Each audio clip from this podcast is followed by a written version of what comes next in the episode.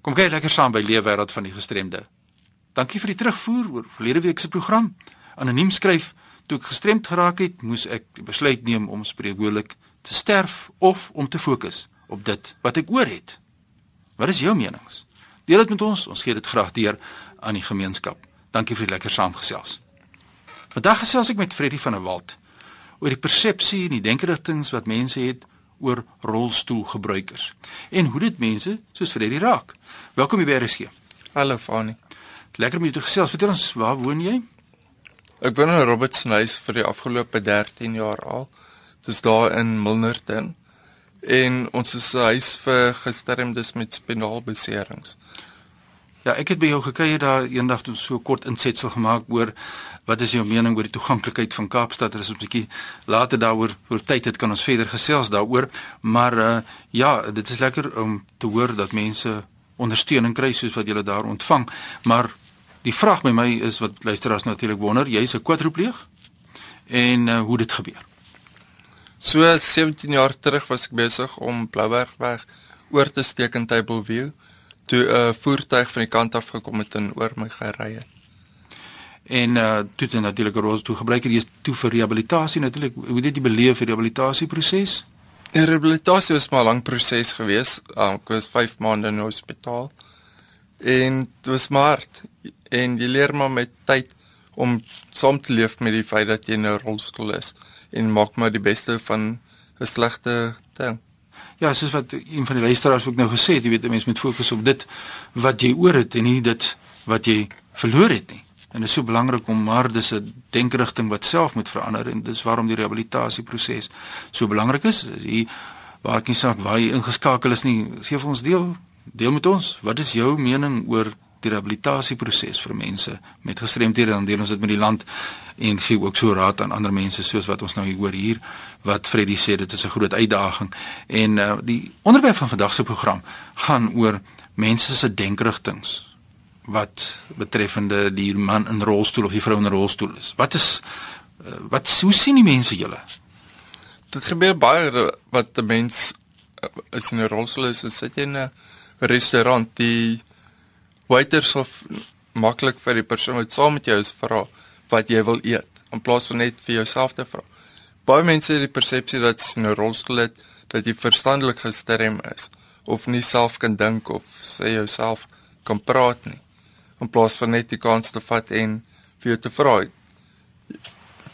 Die belangrike punt is ons begin by kinders en dan leer ons kinders jy vra nie vir mense wat gestremd is wat het gebeur nie en ons daar so twee wêrelde jy weet as mense na my kyk baie keer en vra die kinders mamma wat het toe Fanie daar agter sy kop en dan sê die ouer maklik weet sh, sh, weet jy vra nie sulke vrae nie dan dan neem ek sommer oor Jy weet, en dan begin ek vir mense verduidelik wat dit kokleaire implanting is en hoe hulle dit gedoen het dat die kinders dit kan verstaan. Daar's 'n afstand tussen ons mense met gestremthede en die gemeenskap. Nou kan ek dieselfde vraag vir jou vra. Wat doen jy nou as mense hoe optree as jy nou in 'n restaurant kom en mense daai afstand kan jy voel? Wat doen jy? Hoe breek jy daai stilte?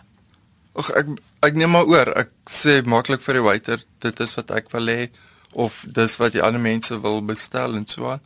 En soos jy praat van kinders, um ek vind ook op baie keer dieselfde lief ouers sal stil bly. Nou sê ek vir hulle nee, maar dit daar's niks fout nie. Laat die kind vra. Ja. Ek het so 2 weke terug met 'n klein dogtertjie, sy was met 3 jaar oud gepraat. En sy het my al hierdie vrae gevra oor hoe wat het met my gebeur en hoe dit gebeur en wat is fout en so aan. En ek het dan net elke keer geantwoord. Ja, eerlik. Ja, natuurlik. Dis korrek. En ek dink dit is die die eerlikheid en dit breek daardie senuweeagtigheid wat daar bestaan as ek dit so kan stel tussen mense af. Maar ons praat oor van 'n restaurant. Maar jy moet in 'n restaurant eers kan kom. Nou baie keer word baie gedoen rondom die toeganklik maak van die gebou terme van opritte en die toeganklik maak van badkamers vir mense met 'n mobiliteitsgestremdheid soos nou jy wat 'n kwadropleeg is maar jy kan nog nie daar kom nie want daar's nie vervoer nie. Wat is die situasie met vervoer in Kaapstad? Hoe beleef jy dit? Daar is 'n stelsel Dialerite. Deel dit met ons. Dialerite is 'n paar jaar terug begin vir gestremde persone. Dis 'n deur tot deur um bestens.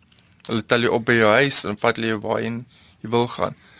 Op probleem met die diens byvoorbeeld is dat jy met 'n week voor die tyd al bespreek En daar's ook 'n tekort aan busse daarvoor.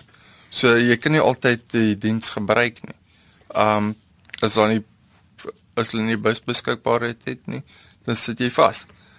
Um dan het hulle ook nou die meeste busse wat begin is, is heel gerieflik.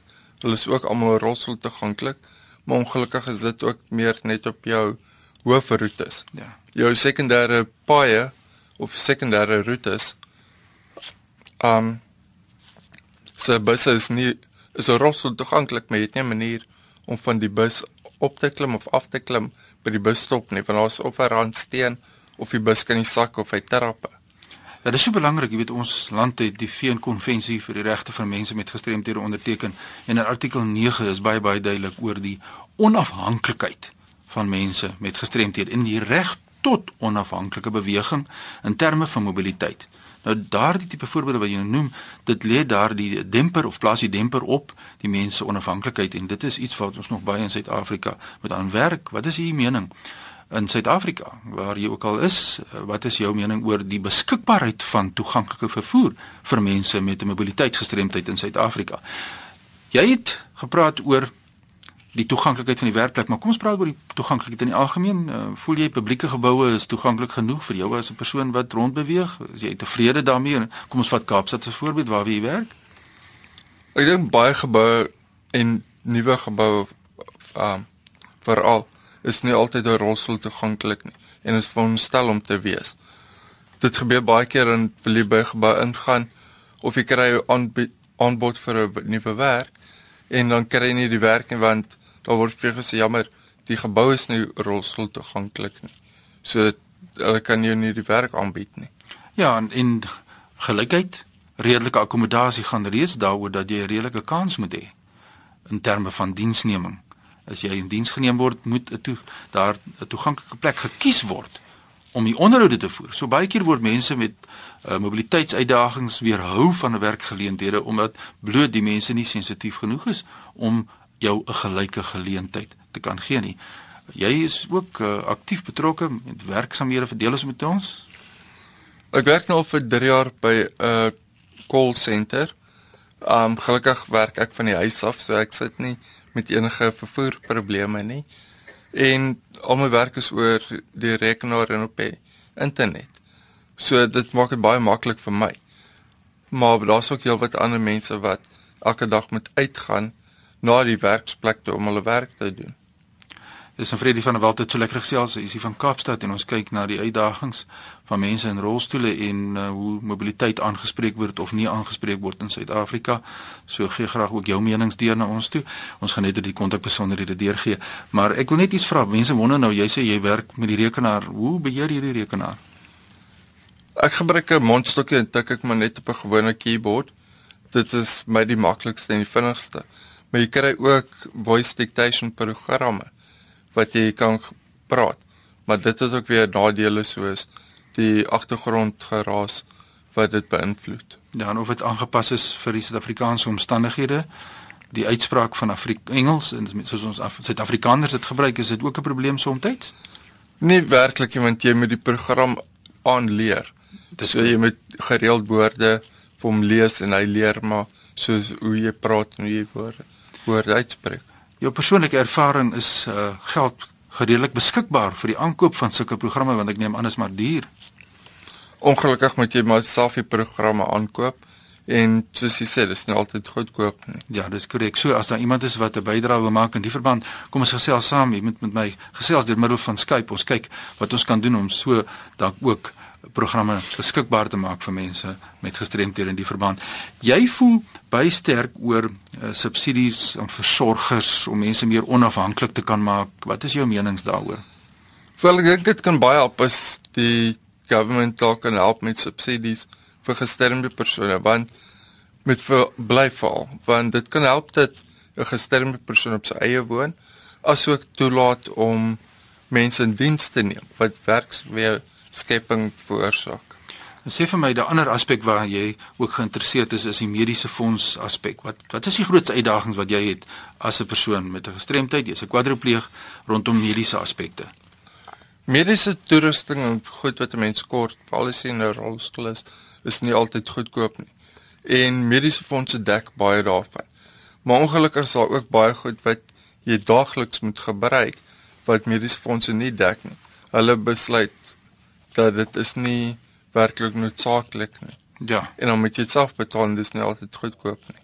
Ja, en dis wanneer uh, organisasies wat nou ondersteuning gee aan mense met gestremthede so 'n belangrike rol speel, natuurlik die ouers wat 'n mens net kan salueer wat ondersteuning gee aan mense met gestremthede en soveel rolspelers wat so groot verskil maak. So ons is regtig baie dank van RSG ook verskuldig aan families en ondersteuningsbronne wat daar buitekant bestaan om mense met gestremthede bloot 'n gelyke geleentheid te gee om op 'n gelyke grondslag soos wat die VN-konvensie sê te kan meeding met mense wat soort sogenaamd nie gestremd is nie. Wat se finale boodskap het jy in die gemeenskap? Kort saaklik. As jy iemand in 'n rolstoel sien, gaan na die persoon toe en groet hom en praat met hom. Jy hoef nie bang te wees nie. Hulle byt nie. Nou ja, dit is die boodskap. Ons byt nie, ons is nie anders nie. Ons doen dinge net so 'n bietjie anders. Indien jy 'n storie het om te vertel of menings het, stuur die e-pos sommer nou aan my by fani.dt by mweb.co.za. Jy kan my volg op Fani Dreams by Twitter. Ja, ons gesels saam oor die lewe wêreld van mense met gestremthede en jy kan hierdie program aflaai deur middel van Potgooi by rsg.co.za. Jy gaan net daar en dan volg jy die instruksies.